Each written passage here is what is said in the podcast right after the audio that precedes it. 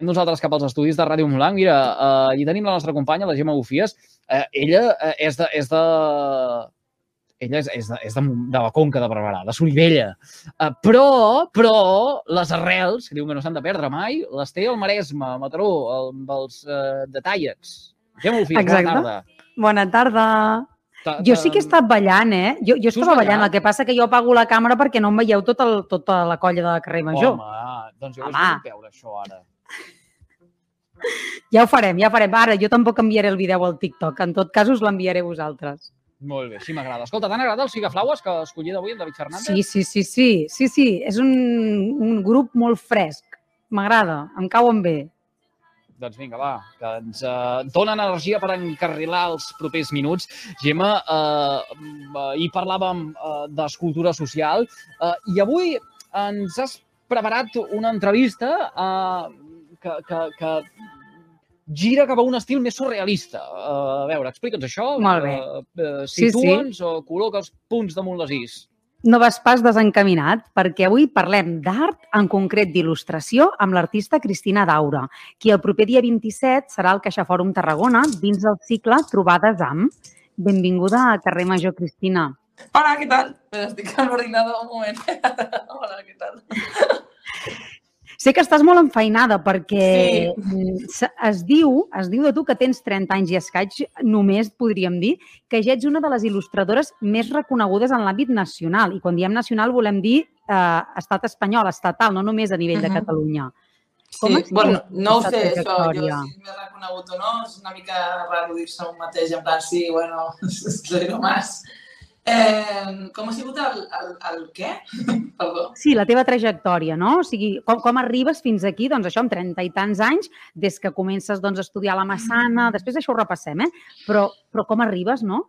Doncs, pues, com tothom, treballant i picant pedra i mm, en el meu cas, doncs, mm, ficant-me no sé, una mica suposo que valorant la valorant-me a mi mateixa de, de dir, bueno, pues que provant moltes coses, no? O sigui, jo vinc de la Massana, com tu has dit, i vaig sortir en el 2011, crec que em vaig graduar, i llavors vaig estar com molts anys que no hi havia feina perquè, com sabíeu, no sé, hi havia una crisi que ens ocupava tothom i no hi havia feina per enlloc. Llavors, eh, res, vaig estar molts anys picant pedra, treballant en altres llocs i movent-me en el món dels fanzins i en una d'aquestes doncs, vaig eh, tenir una feina, un encàrrec que d'un més valorat i em vaig agafar, el vaig gestionar perquè em donés, bueno, no sé, vaig intentar... Sí, jo crec que és un moment, és una resposta molt de dir-te de lloc concret, moment adequat, em vaig trobar en aquell punt i, i suposo que tot, amb tot el bagatge anterior doncs, vaig tirar pel dret i, i vaig tenir sort de, de que em veiessin per algun espai que no era ni Instagram ni res, eh, un altre tipus de xarxa social eh, i em van agafar com per bueno, editorials i, i, i premsa en general internacional. Sí, vaig tirar per allà. No sé si m'he explicat bé, però Sí, sí, sí, sí. Vas fer també, eh, vas anar a Baltimore a estudiar, no sé si això era com un complement després d'estar a la Massana. O, Era o una intenció de que, que ja sortís alguna com qualsevol estudiant pensant que fent un Erasmus o algun tipus de conveni d'es- d'estudis, en el meu cas em van donar l'opció d'anar als Estats Units i, i jo la vaig, vaig, vaig aprofitar-la, però bueno, és que crec que la meva generació, no, que som del 88, eh, els que ens vam graduar, quan ens vam graduar no hi havia res, ja donava igual quin màster tinguessis, quin postgrau o quin, quins Erasmus o on haguessis estudiat, que, bueno, era complementari, però ja, o sigui, era bastant depriment. El fet és que vaig estudiar allà, em va anar guai, però no té res a veure, crec, amb el fet que jo ara treballi amb, amb empresa, o sigui, amb, amb premsa nord-americana, per exemple. Vale, vale. Es diu que el teu estil té una personalitat molt marcada. Sí, sí, l'audiència, que a més a més ara això, clar, això és, això és radiofònic Sí. i després poden anar a clicar i buscar-te, no? Però per algú que no s'imagini com és el teu estil, com el Sí. descriuries? Doncs mira, avui m'han preguntat també i és una mica difícil. També és el que et dic, és difícil de descriure's a un mateix quan el que tu fas en el fons és una mica el que tu et dona la gana i amb el que et sents còmode i llavors dius, bueno, quan, si m'haig de definir com seria? I una vegada algú va definir, i vaig prendre com que vaig pensar, mira, si no em servirà per respondre, eh, em van dir, bueno, tu, el teu estil és bastant com naïf, no? com infantil, més aviat, però que si te'l mires de prop doncs veus que no té res d'infantil, que més aviat és com que estàs una mica tarada o que no hi ha ningú en el volant, diguéssim, i que té com punts així turbis i estranys i al final és donar-li una mica la volta a, a les idees que et pots potser et poden venir al principi a veure la imatge i, i en veritat doncs, hi ha més capes, no? És una mica això.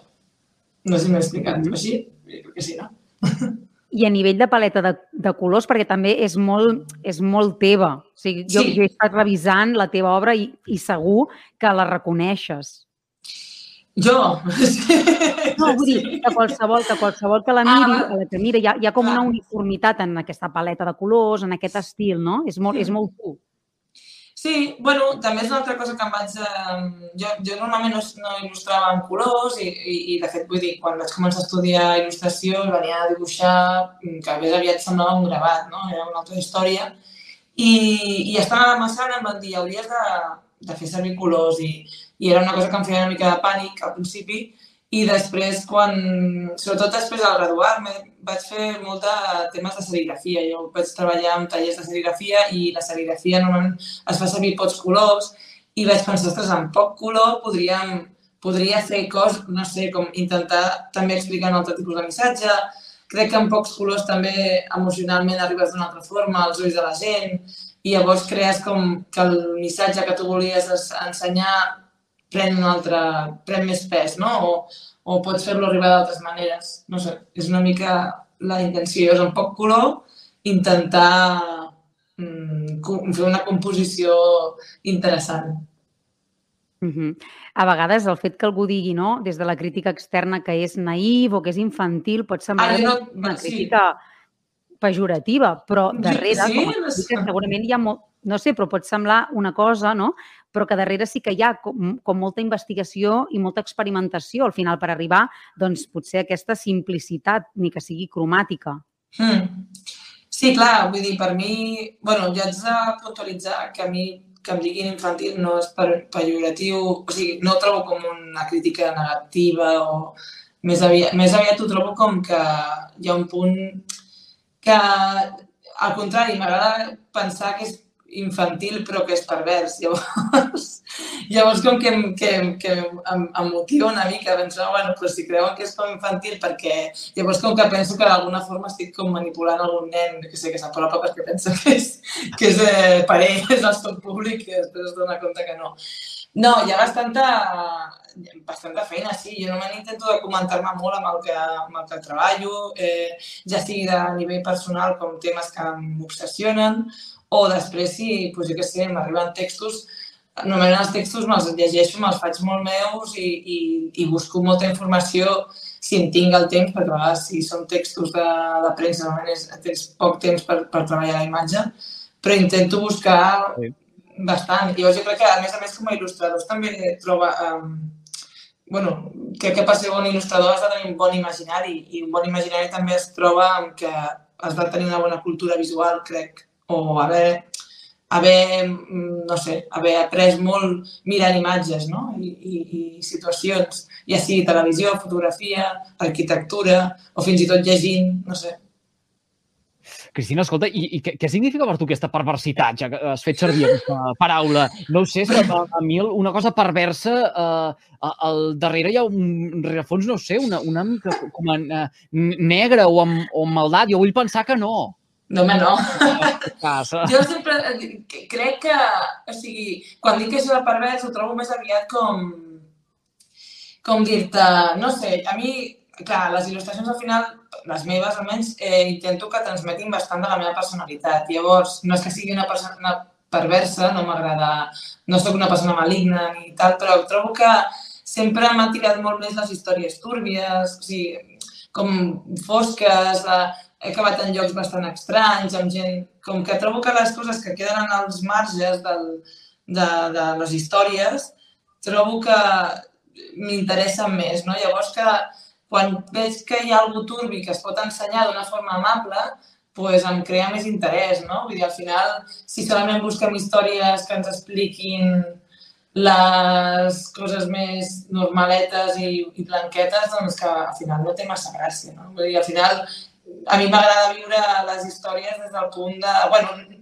no, per, no dolent, no, no trist, no que s'hagin fet mal, sinó pues jo què sé, que com les històries així de, que són, semblen normals, però després et, et dones compte que la gent Bueno, pues jo sempre dic que la gent que sembla més feliç, la veritat és que no està massa bé del cap. I això m'agrada molt, també. No sé, no sé per què estic tirant aquí. És com si estigués una trucada. Per, així com per lligar una mica l'entrevista abans ja doncs, de, de posar-hi el punt i final, com que hem començat sí. dient que era una entrevista surrealista, sí ja que... Ho No sé si amb això que has explicat ara s'explica una mica per què aquesta influència d'aquest univers surrealista doncs, a la teva obra, que al final el surrealisme té, té la seva època històrica, no? Però encara, sí. tu encara el, el fas viu. Bueno, és veritat que jo surrealisme, eh, quan el vaig conèixer era molt petita i, bueno, algú em va dir en plan, ah, que, que crec que estava al Museu del Dalí, de Figueres, i, i mons pares m'hi van dur i em van dir, això és surrealisme. I vaig dir, vale, i, o sigui, també vaig, no ho entenia massa i em van dir, bueno, és que parla dels somnis. I em va semblar interessant, em va semblar com dir, vale, és un espai com que li estan donant veu a una persona que en veritat tot el que està dibuixant en part ho haurà somiat. I em va semblar molt, molt, molt, molt interessant. És veritat que en el fons després jo no és que ensumir amb aquestes imatges, però se'm creen les imatges i, i intento plasmar-les, no?